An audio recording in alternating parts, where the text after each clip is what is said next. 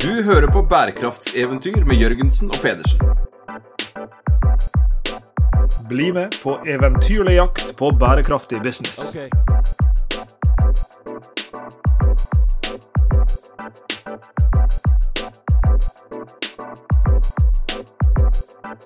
Er det mange som maser på deg i dette livet, Sveinung?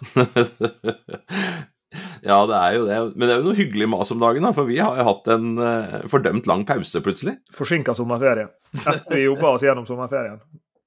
Vi er vel nå på episode nummer 102, men dette her skulle jo vært Ja, det skulle jo vært eh, episode nummer 100, Lars Jakob. Og vi har jo hatt en sju-åtte plakater han har sagt, med episode nummer 100 på, og noen tanker om hvordan det skulle være, men vi er ikke så fryktelig gode på sånn jubileum. Den eneste grunnen til at vi starta denne podkastserien, var jo for å kunne lage jubileumsepisode nummer 100. Og så når vi kom, så når den kom, så glemte vi det, og så plutselig var 101 ute. Er det det det heter når du slipper episode 101? Ja, det var det vi tenkte, da, at vi, at vi, kunne kalle nummer 101 101 ute. Og så hadde vi jo 100 som vi da skulle ha som jubileum. Og så er det jo en, er jo en liten greie der at vi vi hadde jo i sin tid en idé om, at episode nummer 100 skulle hete 'Hvem faen er Jørgensen og, og Pedersen?' Og så, og så går jo livet sin, sin, gang. Vi er her nå på sesongstart, og jeg tror tittelen på denne episoden her blir i type 'Det er nå det begynner',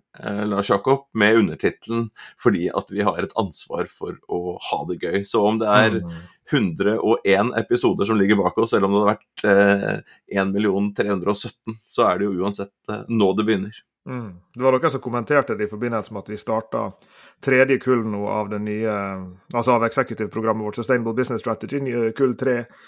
Hei, alle sammen der ute. De eh, starta med en herlig samling på, på NHH Executive for et par uker siden. og Da var det en av deltakerne som spurte oss hvorfor kaller dere det for SBS, altså Sustainable Business Strategy 003? Er dere tenkt å gjøre det her mer enn 100 ganger? Og det det får bli med langt, hvitt skjegg og enda høyere hårfeste enn vi eh, har nå. Svein. Men vi får se hvor langt vi kommer med podkastepisoder. Det kan du gjøre mer enn én av i året. Så nå skal vi prøve å komme oss opp igjen på hesten. Så takk til alle lytterne våre som har sendt oss eh, e-poster og meldinger i Messenger-innboksen og her og der og spurt hvor blir det av neste episode. For vi, vi var jo We had a good run, som det heter. Vi, vi har jo faktisk hatt en episode i uka nå i eh, ja, siden i fjor høst en gang, så sånn bortimot et år.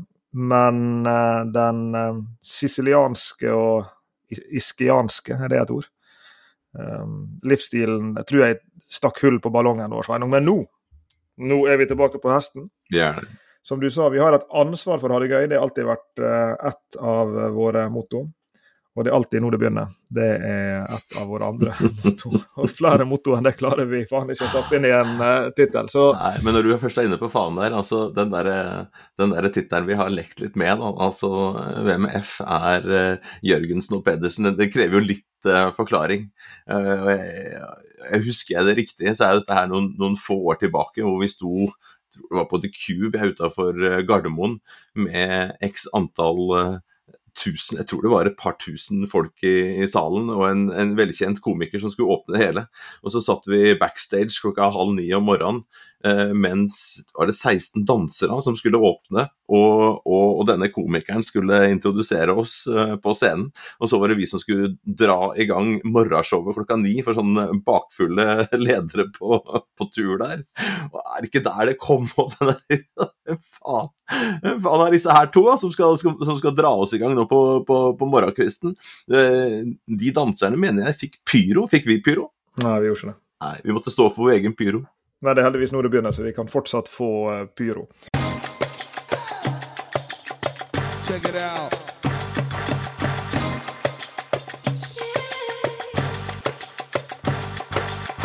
Det er omtrent et år siden vi sa at um, Eller vi stilte spørsmålet kan en uh, sirkulær podkast ha en sesongpremiere. Mm. Når alt går i sirkel. Og, og, vi opererer jo ikke med sesonger på, av bærekraftseventyr, og, og, og, i så måte så er jo ikke dette her en en sesongpremiere i teknisk forstand, men, men all den tid vi eh, har hatt denne lille pausen vår her, da, så eh, skal vi jo sette i gang igjen og peke framover. Og det er jo eh, ja, Det begynner å bli en forslitt ting å si, eh, men det er jo jaggu mye som skjer på dette feltet om dagen.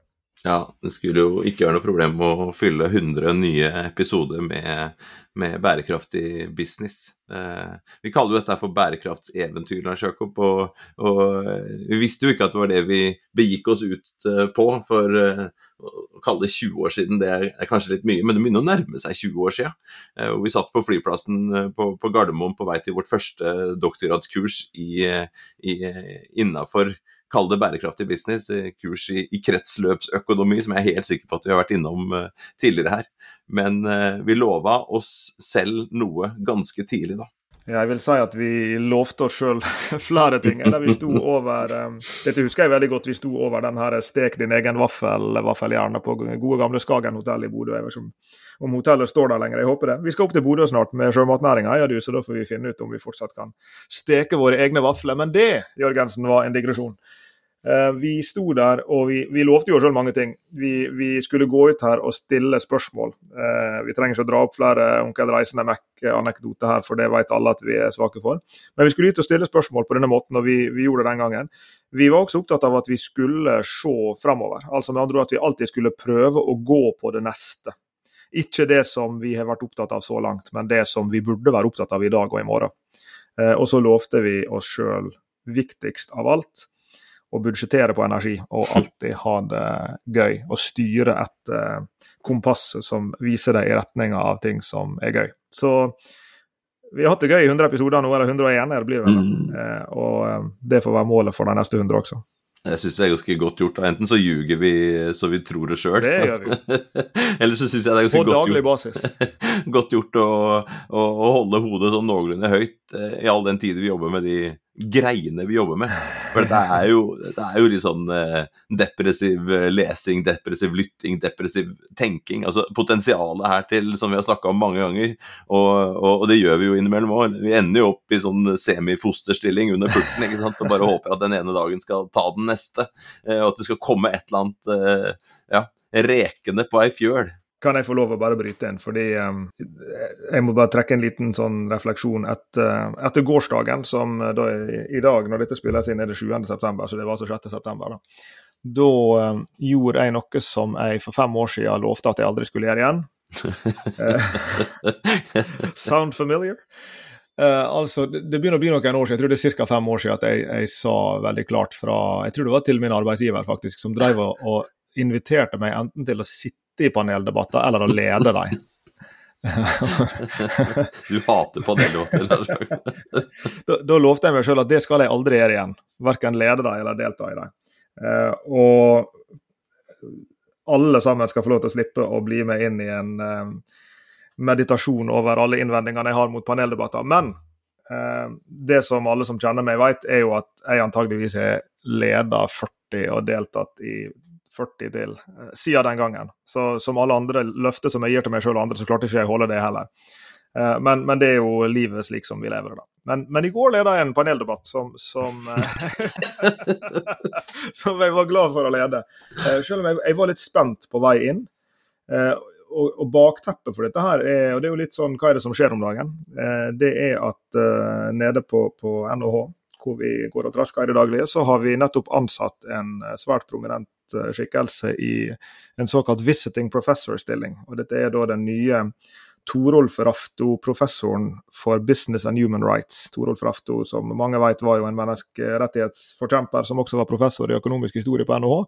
Rafto-stiftelsen for menneskerettigheter her i Bergen er jo eh, nær sagt lev, lev ut hans ånd, og de er jo nære samarbeidspartnere av NHH. Og etter mange mange år, nå 35 år etter eh, Rafto sin død, vel, så har NHH da fått eh, en, en, et slikt professorat. Eh, og det er jo jeg og du veldig glad for at vi der har ansatt eh, Caroline Flammer fra Columbia University, en av de ledende forskerne på, på bærekraftsfeltet i liksom skjæringspunktet bærekraft og finans. Um, og hun um, Uh, hun er jo en, uh, en, drivende dyktig forsker på, på massevis av ulike tema, bl.a. klimafinans og, og, og, det hele, og, og ESG. Uh, og hun er da nå tatt, tatt, på seg denne rolla her. Hun var en av de som var med i, i denne paneldebatten sammen med flere andre. Fikk du henne til å hoppe? Hoppe? Hopp, Karoline! Ja, nei, jeg fikk henne tidligere i uka til å gå opp Stoltsekleiven, som um, de som har vært i Bergen kjenner som et uh, Skal du ta opp det nå? Jeg prøvde å gå opp der for to uker siden, og jeg syns det var bratt. Ja. Det, det, er nå det begynner, Sveinung. Jo, jo, men det er, det er nå det begynner. Altså, men hvor mange gamle damer med krok rygg skal mm. gå forbi deg opp Stoltsekleiven før du tenker at jeg burde heller uh, gjøre noe helt annet? Nei, det er jo det som er KPI-en, på en måte. Liksom det å, an å, redusere antallet eldre damer i slutten av 80-åra som går forbi deg opp der. Får du ned et ensifra tall, så er det begynner du å nærme deg. Men Caroline, eller Caroline, hun har jo vært på besøk hos oss i to uker. Og, og Rafto har stått sentralt i det. Uh, og det har vært litt av en reise, Lars Jakob? Ja, det har jo vært en reise disse to ukene hvor Caroline og, og mannen Xavier, som er, som er finansforsker på Eh, på Colombia eh, har vært der sammen med oss. og Det har vært forskningsseminar, og, det, og vi har hatt fjellturer og vi spist middager og vi har hatt det fryktelig mye moro. Har på fotballkamp òg. Eh, hmm? Vi har jo hatt det med på fotballkamp også, i øs pøsende regnvær på eksperimentet vårt mot, eh, på Brann stadion mot eh, Sarpsborg. De holdt ut i to omganger og syns faktisk kaffen på Brann stadion var bedre enn den de fikk i USA. Det er jo bra. ja, ikke verst. Og kanskje kommer vi tilbake igjen til Brann stadion etterpå. Eh, vi må få denne paneldebatten ut av systemet. fordi Jo mindre tid en bruker av livet sitt på å snakke om paneldebatter, jo bedre. Men, men dette, dette, ble altså en, en, en, eh, jeg skal ikke si overraskende positiv opplevelse. For, for altså, det var jo veldig veldig flinke studenter fra NHH som, som arrangerte det her. De hadde invitert eh, da, I tillegg til at jeg leder den, så var det da Caroline som liksom nyinnsatt Rafto-professor. Det var professor Lise Rakner fra Universitetet i Bergen, som er professor i statsvitenskap og, og jobber Bl.a. utvikla dette nye store masterprogrammet i Global Challenges eh, på UiB. Eh, det var det som trigga det jeg kom på det her med når du sa å ligge i fosterstilling. For hun var veldig opptatt av det her. At eh, her er mer enn nok, er mer enn nok grunner til å ligge i fosterstilling. Og hun klarte å sette godt ord på det. Men hun gikk likevel derfra eh, overraskende lystig, for det ble jo en, en, interessant diskusjon rundt disse vanskelige problemstillingene. Og så hadde vi også med oss eh, Sisella eh, Nybakk, som er bærekraftsjef i Statkraft, og Therese Jepsen fra Raftostiftelsen. Så det var jo en gjeng med, med ulike typer blikk på skjæringspunktet mellom både miljømessige, sosiale og økonomiske bærekraftsutfordringer. Med selvfølgelig en særlig sånn svung inn mot uh, menneskerettighetsproblematikken. Og der er jo jaggu nok av grunner der ute Sveinung, til å uh, fortsette å ligge i um, fosterstilling. Men så, det, så, så, er det jo også mye som skjer på dette feltet nå. Det var alle disse folka, enten de var mer eller mindre optimistiske, eh, var jo enige om at det skjer jo ting i dag som, som gjør at kanskje en har begynt å hakke litt i emaljen på dette store sosiale problemet knytta til menneskerettigheter og arbeidsrett. Eh, Hvis du skulle trukket fram noe, hva er det vi ser av lyspunkter? Ja, altså, no, noen av dem var jo opptatt av det som um, altså jeg skal ikke si det åpenbare, men altså det, den åpenbare fremskrittet i at vi nå har lovgivning både nasjonalt og internasjonalt som, som gir mer gjennomsiktighet. Eh, åpenhetsloven her til lands og, EU-taksonomien. Rafto-stiftelsen var faktisk veldig opptatt av, av EU-taksonomien og hvor viktig dette minimumskravet til, til sosiale forhold og, og arbeiderrettigheter eh, hadde vært. Eh, Caroline gikk jo i dybden på en del av det som vi vet om, eh, om ESG instrument, for å si det på den måten. Hun har jo studert alt fra for Hun publiserte vel så vidt jeg vet det første paperet på såkalt uh, corporate green bonds, grønne obligasjoner, i Journal of Financial Economics for noen år siden. Hun har jo studert det uh, fra starten av og sett på liksom, hvordan, hvordan er det disse finansielle instrumentene kan være med på å finansiere sosiale forbedringstiltak som ellers ikke ville skjedd. Det var et veldig, veldig spennende uh, Misforstå meg rett.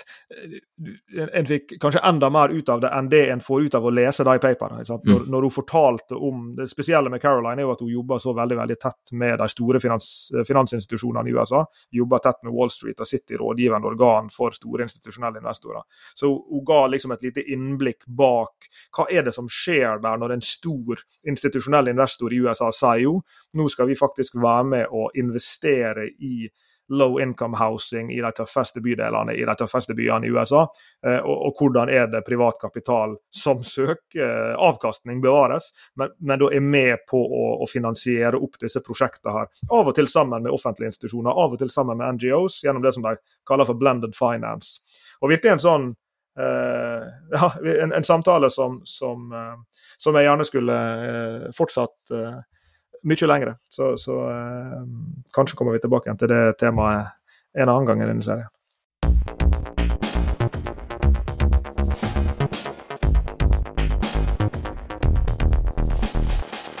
Det er jo en tung materie som vi tok på oss den gangen der. Og ja da, vi kan, vi kan smile eh, også. Og vi kan prøve å peke på, på det som er positivt, og, og forsøke å skru hodet mot å være teknologioptimister, mot å være som du er inne på her, altså menneskerettighetsoptimister.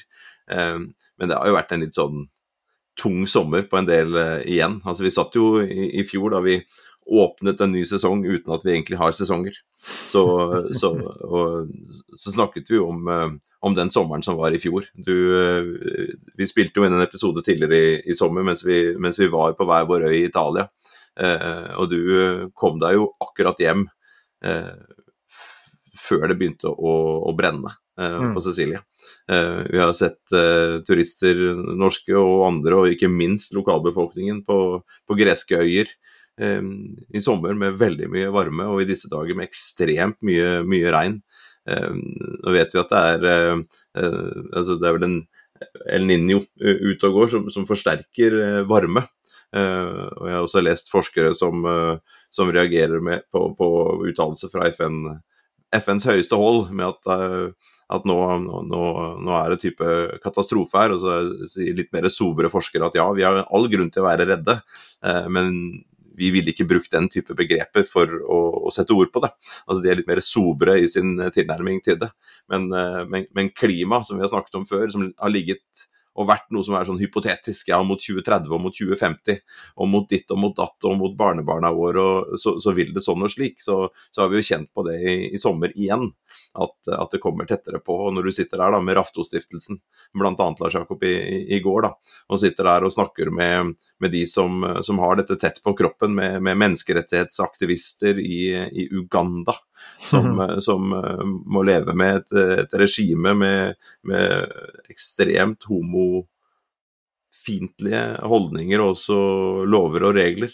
Eh, når en sitter og har, tar pulsen på alle disse områdene i verden og ser langs disse verdikjedene, da, sånn som eh, vi også gjør, knytta til åpenhetsloven, og ser de som, de som, skal eh, produsere de tingene vi er så er glad i og mener at vi trenger, så er det jo utfordringer nok til, til alle her. Så man lurer jo på om, om det ligger en sånn liten livsløgn i, i det å være optimister her, om, om, det, om, om, å si det at det er nå det begynner, eller at ja, vi har et ansvar for å ha det gøy. Uh, men det er jo lov til å ha en flytevest innimellom, liksom. Når man er ute og, seiler på åpent hav og det er fare, for å falle uti, så er det jo greit å kunne ha på seg en sånn, en sånn vest som gir deg litt varme og, og en liten snack på, på innerlomma, så du i hvert fall overlever til, til nærmeste skip forhåpentligvis kommer forbi.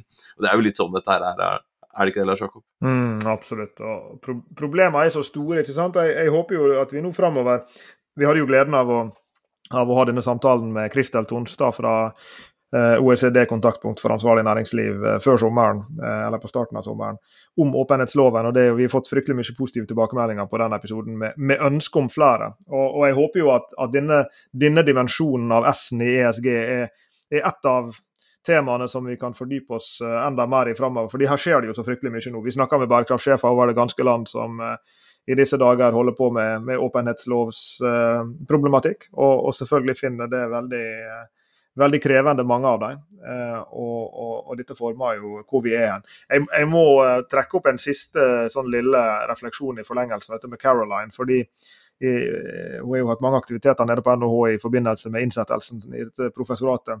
Hun holdt bl.a. en forskningsseminar eh, i forrige uke. Eh, det er jo noe av det kall det mest eh, ja, Med fare for å høres ut som en nerd, da, så er det noe av det mest privilegerte. Å nei, Lars Jakob hørtes ut som en nerd. Du har brukt så mange år på å prøve å unngå Vi kjenner deg bare som en nerd, Lars Jakob. Ja, nei, det, det er Her er mange svinger dette livet tar. Men, men, et av privilegiene i dette livet vi lever, er jo at vi får lov å gå og høre på eh, supre forskere presentere helt ferske arbeid lenge før de kommer ut i, i trykk. Eh, og Caroline har, så vidt meg bekjent, skrevet det første forskningsarbeidet eh, om det som hun kaller for biodiversity finance. Og dette her er altså da snakk om en, en gren, apropos ting som er ordentlig deprimerende. Hvis det er noe som, som slår meg som nesten enda mer deprimerende enn, en, noen av disse bærekraftstemaene vi snakker om nå, så må jo det være ting som er, som er knytta til biologisk mangfold og, og, og artsmangfold og, og kall det økosystemkollaps og you name it. Eh, og, og, der er jo også Caroline er jo i stor grad av samme oppfatning, og er derfor eh, via en del av sin forskningstid det siste året til å prøve å få fatt i det lille datagrunnlaget som finnes på dette framvoksende fenomenet at store investorer, enten alene eller sammen med andre typer aktører, enten det er eh, offentlige aktører eller sånne fond av typen jeg vet ikke om Norad er et godt eksempel, men altså disse USAID f.eks. Sånne typer aktører som, som investerer i, eh, i lavinntektsland rundt omkring i verden. Eh, men da spesifikt investeringsstrategier eh, som går på å investere i å beskytte biologisk mangfold. og Da trakk hun fram Hun hadde konkrete datasett her på, på jeg tror det var 32 deals som da type private equity-aktige aktører i USA har gjort i å f.eks. beskytte våtmark i områder hvor de har andre investeringer. Hvor du har en sånn og Dette gjør ikke de for å, dette er ikke liksom donasjoner eller pro bono eller liksom en slags form for uh, filantropi. Uh, dette er altså investeringer hvor de forventer at, uh, riktignok med en viss tidshorisont, skal lønne seg for dem å ha investert i å da ivareta naturen og ivareta økosystemet og ivareta det biologiske mangfoldet i utvalgte områder da, som de ser på som spesielt uh, viktige. Så liksom oppi alle fosterstillingene her, da, så, så skjer det jo så mye spennende. Caroline har jo startet et, eh, et senter, eller et initiativ, på, på Colombia uh, som heter Sustainable Investing Research Initiative. Eh, jeg tror vi skal legge linken til, eh, til en eh, Siri, dette initiativet. Der vil dere finne mer om dem, mer om henne, artikler, og, og, og jeg har lyst til å utfordre deg på én ting til før vi kanskje slipper den ballen da, Jakob. For du sa dette med S-en i ESG, man håper at den kommer frem, og så trekker du her fram én også. Og, og så trekker du fram den derre Eh, søstera til klima, altså biodiversitet. Altså vi må se på dette her eh, i, i, i samspill. Men vi hadde jo da Caroline til, til holdt jo også et, et, foredrag for våre studenter og, og, og, og førsteårsstudenter og, og, mange flere til i Aud Max tidligere denne, denne uka, hvor hun dro gjennom en, en god del litteratur, av egen forskning og andres uh, forskning. Og der, der, der, sa hun det at E og S-en de samles jo i gen, i governance. Mm.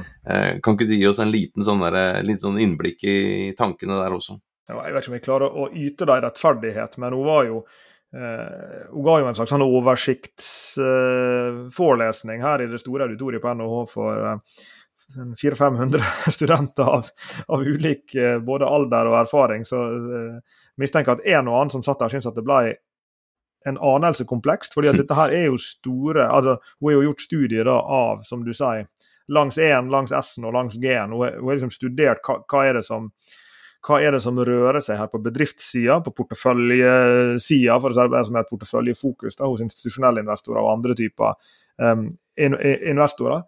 Uh, og, og så som du sier, så har hun jo en sånn eh, om, om, hun konkluderte med noe, da, for der, jo, der, er jo spor til optimisme, som vi har vært inne på her nå, knytta til Biodiversity Finance, knytta til, til ESG-instrument, som, som, gjør at en kan uh, in, få institusjonelle investorer til å Eller ikke få dem til, men en ser at institusjonelle investorer plutselig driver og investerer i low income housing og, og, og i det hele tatt.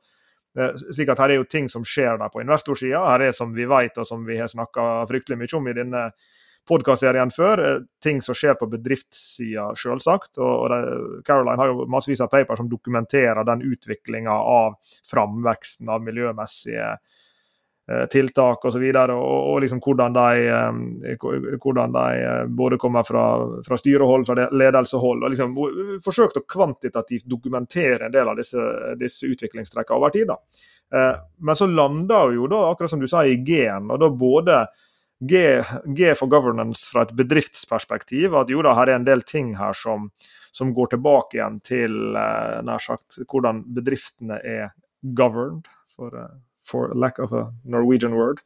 Uh, hvordan de er styrt, hvordan de organiserer den økonomiske virksomheten sin. Men så endte hun jo faktisk også opp i public governance. Og i en viss forstand er jo det et gammelt sånt spark, det. altså at der er et vakuum der i politiske grep som liksom kan, kan, få til de tingene som det er vanskelig selv for disse aller største investorene å gjøre på, på egen hånd.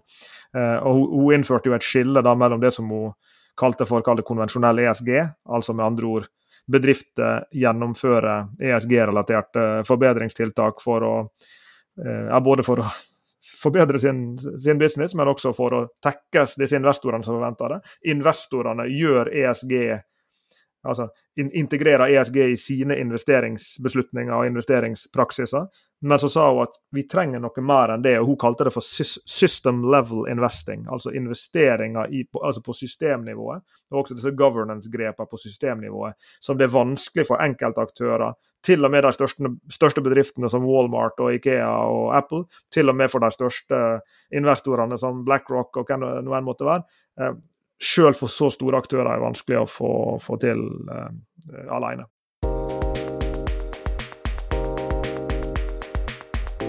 Jeg eh, var nødt til å bevege meg videre geografisk, så du, du satt igjen der med, med, med, med, noe av dette programmet. Så det var fint å bare få et litt sånn innblikk i det. Men jeg må si, da, i, i bilen på vei hjem, så tok jeg frem min, eh, min nye, nye bestevenn Listening .io, mm. som er eh, noe av det bedre innen eh, førstehjelp for, for, nerder. For det er jo ikke alltid man har tid til å sette seg ned og lese disse artiklene. Og det denne Listening.io. Jeg har ingen eierskap i dette denne, denne, appen, eh, dessverre.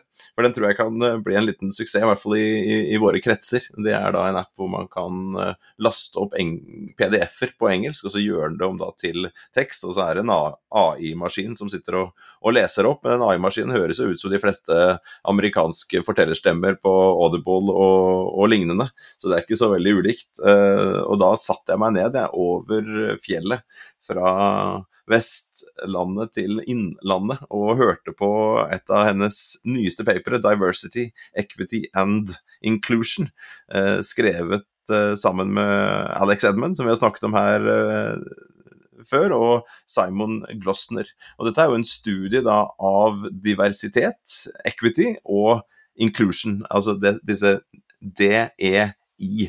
Eh, jeg så Lars-Erik Lund eh, posta en fin post om den artikkelen i går, faktisk, eh, på, på, LinkedIn, så den kan du jo søke opp og se på den diskusjonen. Og dette er jo et av flere sånne empiriske arbeider, da, hvor man går inn i det finansielle, ser på ulike typer data, stiller kritiske spørsmål og graver seg ned og, og prøver å forstå hvordan ting henger sammen, og gitt hvordan ting henger sammen, hvordan er det man da kan bevege dette her i en, en annen retning. Og, og, hvis noe skal være et, eh, et mål da, Lars Jakob, for de neste én mm. million, eller i hvert fall eh, episodene, av, av, av av bærekraftseventyr, eller sånn som du sa, disse hundre kullene vi skal ha i vårt lange, lange lange liv med Sustainable Business Strategy på NHO Executive, ja, så er jo det et av målene. Grave oss ned i de realitetene. Om det er Eh, environmental, eh, på miljø, eller om det er inn i det sosiale, eller det er å se på disse eksisterende governance-strukturene på godt og vondt, ja, og så ta det som et utgangspunkt, og så prøve da, å peke fremover. Hva er det vi da må endre? Hva er det vi kan endre? Eh, hvem er det vi kan koble sammen for å gjøre dette? Hvordan kan vi jobbe da eh, innovativt eh, for å forsøke å løse det? For hvis vi ikke gjør det, da er i hvert fall redd for at vi ikke kommer noen, eh, noen vei. Og Det er vel derfor vi prøver å, å børste av oss gammelt støv der, Jakob, og, og si OK, det er nå det begynner. Eh, og midt oppi alt dette nerdete, tunge og alt det depressive som handler om kall det SG eller bærekraft eller hva nå det er, så må vi peke framover. Og en av de andre tingene vi har jobba med her i, i, i, siden sist, Lars Jakob, vi har publisert en, en, en, kronikk i denne kronikkserien vår i Teknisk Ukeblad.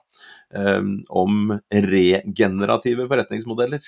Og Det er jo inspirert av mye, også at vi møtte Eh, forfatterne av en, eh, en, studie om regenerative businessmodeller i, i sommer, når vi var, på, var i, i, Maastricht på, mm. på, på, konferanse på New Business Model. Så snakket vi med, igjen med vår, vår gode venn og kollega Nancy Bokken og, og, og, andre som har vært med på denne artikkelen. Eh, også fått, fikk også høre fra en doktorstipendiat som pekte videre, gitt den artikkelen som hun også hadde vært med å bidra til, hva slags type studier skulle man gjøre videre. Og Inspirert av det og, og ting som skjer rundt oss, så, så stilte vi jo spørsmålet er tiden for bærekraft og sirkularitet forbi. Eh, og Det er jo litt sånn Ja, bevares, men, men, eh, det er vanskelig nok å få til det. Det er vanskelig nok å få til bærekraft og sirkularitet. Men så må vi jo strekke oss eh, videre og, og, og, tenke eh, er det andre måter å tilnærme seg dette digre problemet på, som kan løse det på andre måter. Og der, der tok vi et, et r-ord og, og, og, satte et R-ord på det, altså dette regenerative. Har du lyst til å dra et par overskrifter til han har sagt fra, fra kronikken? Ja, altså eh, jeg, jeg, likte jo veldig godt din Det var du som skrev ja, det var du som skrev mye av den kronikken her, hvis vi skal være ærlige, men, men du, du skrev bl.a. Uh, ingressen, som jeg siterer. Basal speiderlære forteller oss at man skal forlate leirplassen slik man finner den, men hva skal man gjøre når leirplassen ser ut som et lite helvete allerede når man skal slå leir? Um, og Da vil jo ivrige lyttere kjenne igjen uttrykket 'et lite helvete' fra min lille rant til Johan eh, Gjærum i Ruter her. Eh, for det var vel omtrent sånn jeg beskrev eh, det å ta buss. tilbake, det... Vi er inne på panelsamtale, vi er inne på å ta buss. Ja. Jeg, vil, be om unnskyldning til alle lyttere som er glad i å ta buss, for jeg, jeg er blitt, um, blitt utfordra i Jeg tror kanskje det er et par lyttere som, som skal si unnskyld, som er faktisk glad i, og som er såpass modne at de ser verdien av en god panelsamtale også. Det er nok helt sikkert sant. Men tenk om ikke Hvis jeg ikke hadde liksom brutt med mine egne idealer og liksom blitt med på disse panelsamtalene, så hadde vi jo ikke fått denne praten om, om biodiversitetsfinans og ja, you name it. Så, så, et eller annet godt kommer ut av um, ja, Silver lining og alt det der. Men, men du eh, eh, Utgangspunktet for denne regenerative Ja, det var der vi var. denne, denne, kronikken er nå én ting, men, men, kanskje mer generelt en, en dreining i jeg skal ikke si i regenerativ retning, for eh, vi har jo lenge vært i en regenerativ retning. Vi har jo jaggu vært med å starte et selskap, Nordic Circle, som, som, vi har fortalt om før i denne serien, som, som jobber regenerativt. Og Senest i går hadde du møte med en av Eh, en av lederne i, i, den virksomheten for å diskutere de regenerative løsningene knytta til, til, et av produktene som, som vi nå uh, har ute i, i, markedet via Nordic Circle. Så, så, det regenerative har jo vi vært kjempeglad i lenge, og, og vi har vært opptatt av det fra et uh, fenomenperspektiv, fra et konseptuelt perspektiv. Men det som er spennende akkurat nå, er jo at der er en liten regenerativ er eksplosjon et for hardt ord? I alle fall så, så er det veldig mange flere bedrifter som begynner å identifisere seg med det regenerative skiftet. Eh, altså denne ideen om at vi skal ikke bare eh, For å låne William McDonagh sitt eh, uttrykk do, do, less bad', men også 'more good', det er nå én ting. Men, men vi, skal, vi, skal, bevege oss fra en tanke om at vi, vi skal uh, på en måte Altså, vi skal forbedre, vi skal bevare, vi skal gjenskape. Vi skal få vi skal lykkes med forretningsmodeller som altså da etterlater både samfunnsmessige, miljømessige og kall det økonomiske sånn i det store, ressurser i en bedre stand enn slik vi fant dem. Og dette er jo eh, ja, det er jo jaggu vanskeligere enn å drive business uh, bare på gamle måten. Og sånn kan man jo velge å definere bærekraft, og man kan velge å definere sirkularitet der. Og det er jo mange regenerative elementer, vil jeg påstå, i i bærekraft og det sirkulære. Men det handler litt om ambisjonsnivå her. Altså skal man eh, strekke seg enda, enda lenger eh, opp mot kall det enda, enda bedre modeller da, for å løse de problemene vi faktisk eh, står oppi. Eh, og, og, jeg liker dette regenerative, og eh, som du sier, inn i, det, dette selskapet vi er involvert i med, med Nordic Circles, det er, jo, det er jo én ting. Og så møter vi jo flere og flere nå som bruker dette her begrepet. Jeg har hatt eh, gleden av den siste, siste uka eller to og vært i dialog med Ingrid Dynna, eh, som er CEO og og, og medgründer i et selskap som heter NoMy, eh, som har gitt meg innblikk i en, en verden som jeg ikke hvis det fantes. Og det er jo ganske idiotisk, ikke sant. Når det er kanskje det viktigste som skjer på denne jord, det skjer under jorda. Eh, det skjer i, har jeg lært nå, da, i disse her ah, Nå må jeg ta en sjanse. Myosin. jeg håper jeg sa det riktig nå. Eh, så hvis jeg forstår det riktig, så er det da røttene til, til soppen. og der, når vi sier av jord har du kommet, og av jord skal du bli, og feller en, en tåre. Så i det øyeblikket vi og, og, annet organisk materiale blir til jord, så er det jo veldig ofte, hvis jeg skjønner det riktig, ved hjelp av nettopp disse røttene og disse soppen, soppsporene, eller hva nå det enn er, eh, myosinet, som, som, bidrar til det.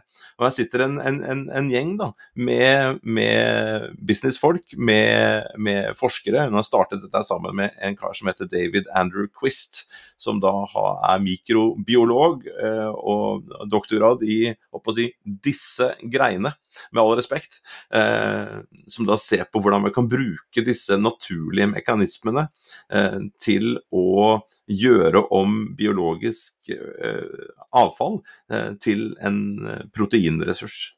Så de eh, er et oppstartsselskap som med gode økonomiske støttepartnere, altså det er investorer utenfra også, og som da har gått inn og ser på hvordan vi kan bruke disse naturlige mekanismene, skalere det opp og, og, og, ta um, uh, ulike strømmer med det vi dessverre kaller avfall, men hvor det ligger ressurser, og hvordan vi kan bruke disse naturlige prosessene til å lage protein, som f.eks. kan brukes som fôr i, i fiskeindustrien.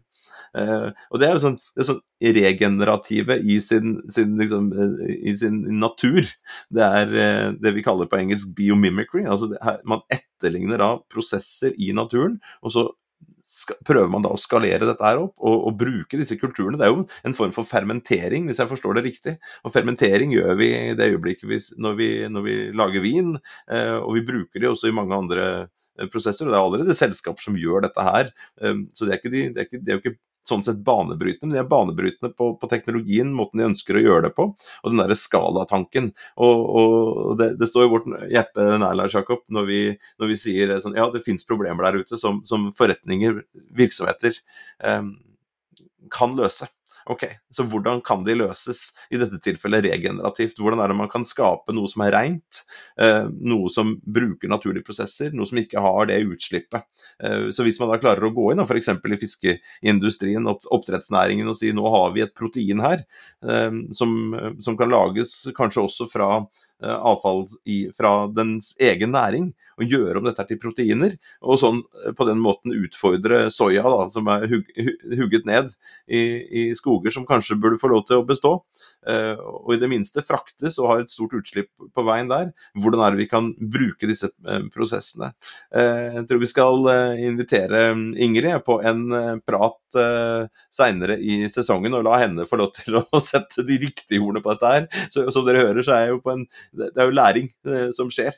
Jeg stammer litt når jeg bruker disse begrepene, men det er jo, det er jo utrolig inspirerende å møte selskapet, mennesker, andre forskere, um, som da tenker ok, hvordan er det vi kan møte dette her da, med litt rakere rygg. Tenke at det er nå det begynner. Og hvordan er det vi kan eh, løse dette her med, med kreative og innovative forretningsmodeller.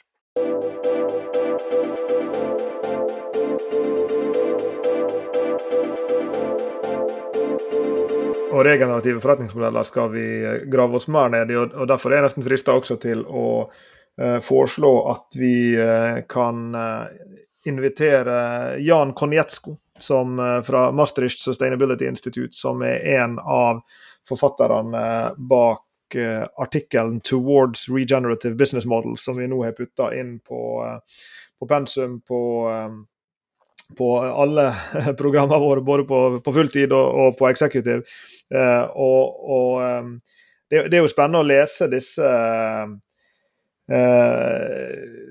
måtene de beskriver dette her på. fordi det er jo noe sånn, Jeg, jeg syns det er litt artig med, med, når det kommer nye konsept, eller, eller konsept som liksom vokser fram. Ta, tenk også på sirkulær økonomi den gangen det begynte å bli liksom en del av dagligtalen. og sånn.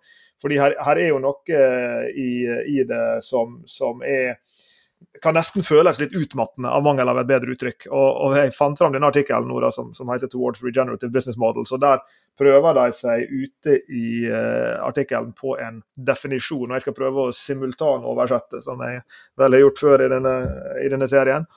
Eh, organisasjoner som har regenerative forretningsmodeller, fokuserer på pl planetær, det er et ord, planetens helse og samfunnsmessig well-being, altså velvære.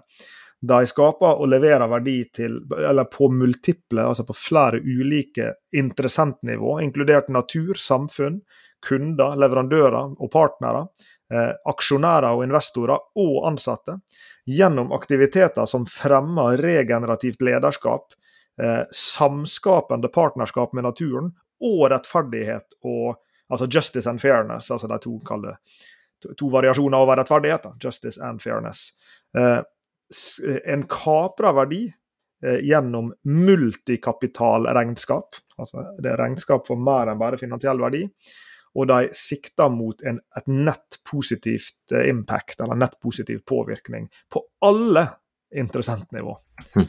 Det høres ikke ut som noe som er gjort over ei helg, Sveinung? Nei, ikke i det hele tatt. Eh, jeg hadde en artig prat i går jeg, med vår kjære fungerende, eller han er jo CEO i, Nordic Circles, om dette regenerative. Han skulle til Oslo og ha et foredrag om dette her, og trengte litt uh, input. Han hadde mer enn nok på hjertet, så han tenkte ikke så mye input. Men, uh, men vi snakket om dette regenerative, og, og og, og, hva det kunne bety i ulike situasjoner. Han skulle ned og holde et foredrag eh, for en gjeng som jobba med Oslofjorden. Og den er jo ikke særlig regenerativ om, om mm. dagen, den trenger absolutt hjelp.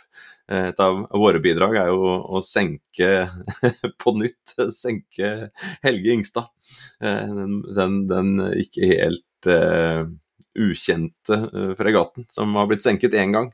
Men vi skal nå senke deler av den i, i Oslofjorden som et uh, et eh, fiskehotell, eh, i, eller et, et, si, et sånt uh, kunstig og han ikke hjulpet meg, sånn som er utafor Barrier Reef. The Great Barrier Reef. Det er et uh, Korallrev. Å, oh, tusen takk. Et reef, et, et rev, et korallrev, uh, skal, skal, senkes der ute. og jeg, han, han, nevnte også Hav Eiendom, som vi også har som en, en partner i, i, dette, i selskapet vårt, altså som en, på, på, kundesiden, som er veldig interessert i å, å, å utforske dette her. og jeg skjønte også på han da at Hav Eiendommen har allerede over en periode jobbet med en regenerativ modell sammen med Amsterdam. Eh, Amsterdam eh, som da ønsker å, å, å ha en, en, slags donut economy, altså en smultringøkonomi, som både er opptatt av menneskelig velferd og planetens tålegrense.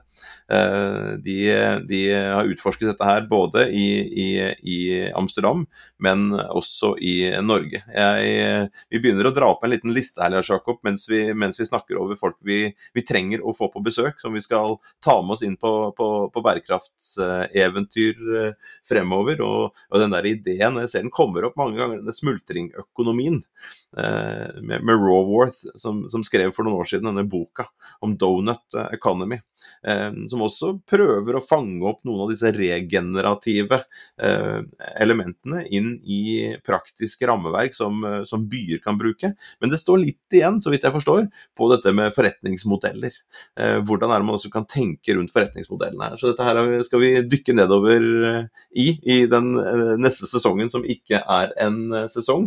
Vi får linke opp i, i, i de såkalte show notes, Lars Jakob, til, til de tingene vi har snakket om her. Jeg tenker da på både kronikken og på, og på nomi.no, og så eh, får vi også finne den, der, eh, den linken til eh, Konetsky-artikkelen om, om, regenerative business models, som, som ligger åpent så vidt, jeg, så, vidt jeg, vet. Så den skal vi gjøre. Og hvis vi ikke gjør det, så vær så snill å minne oss på det, hvis, vi, hvis det er ting dere ikke finner som vi har nevnt.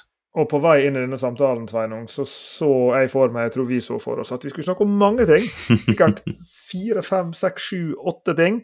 Eh, det ble litt færre, men det ble, det ble noen frampek til um, ting som ikke begynner nå, men ting som i alle fall skal fortsette nå. Og som vi gleder oss til uh, i de neste vi kan ikke si neste 100, vi må si i de neste 101 episodene av bærekraftseventyr og grave oss enda lenger ned i sammen med flinke folk der ute. Og takk igjen til alle dere som har skrevet til oss og minnet oss på at vi hadde en episode å lage. Her er han. Takk for at dere var med på den, og så gleder vi oss til å høres igjen veldig snart. Du har hørt på Bærekraftseventyr med Jørgensen og Pedersen.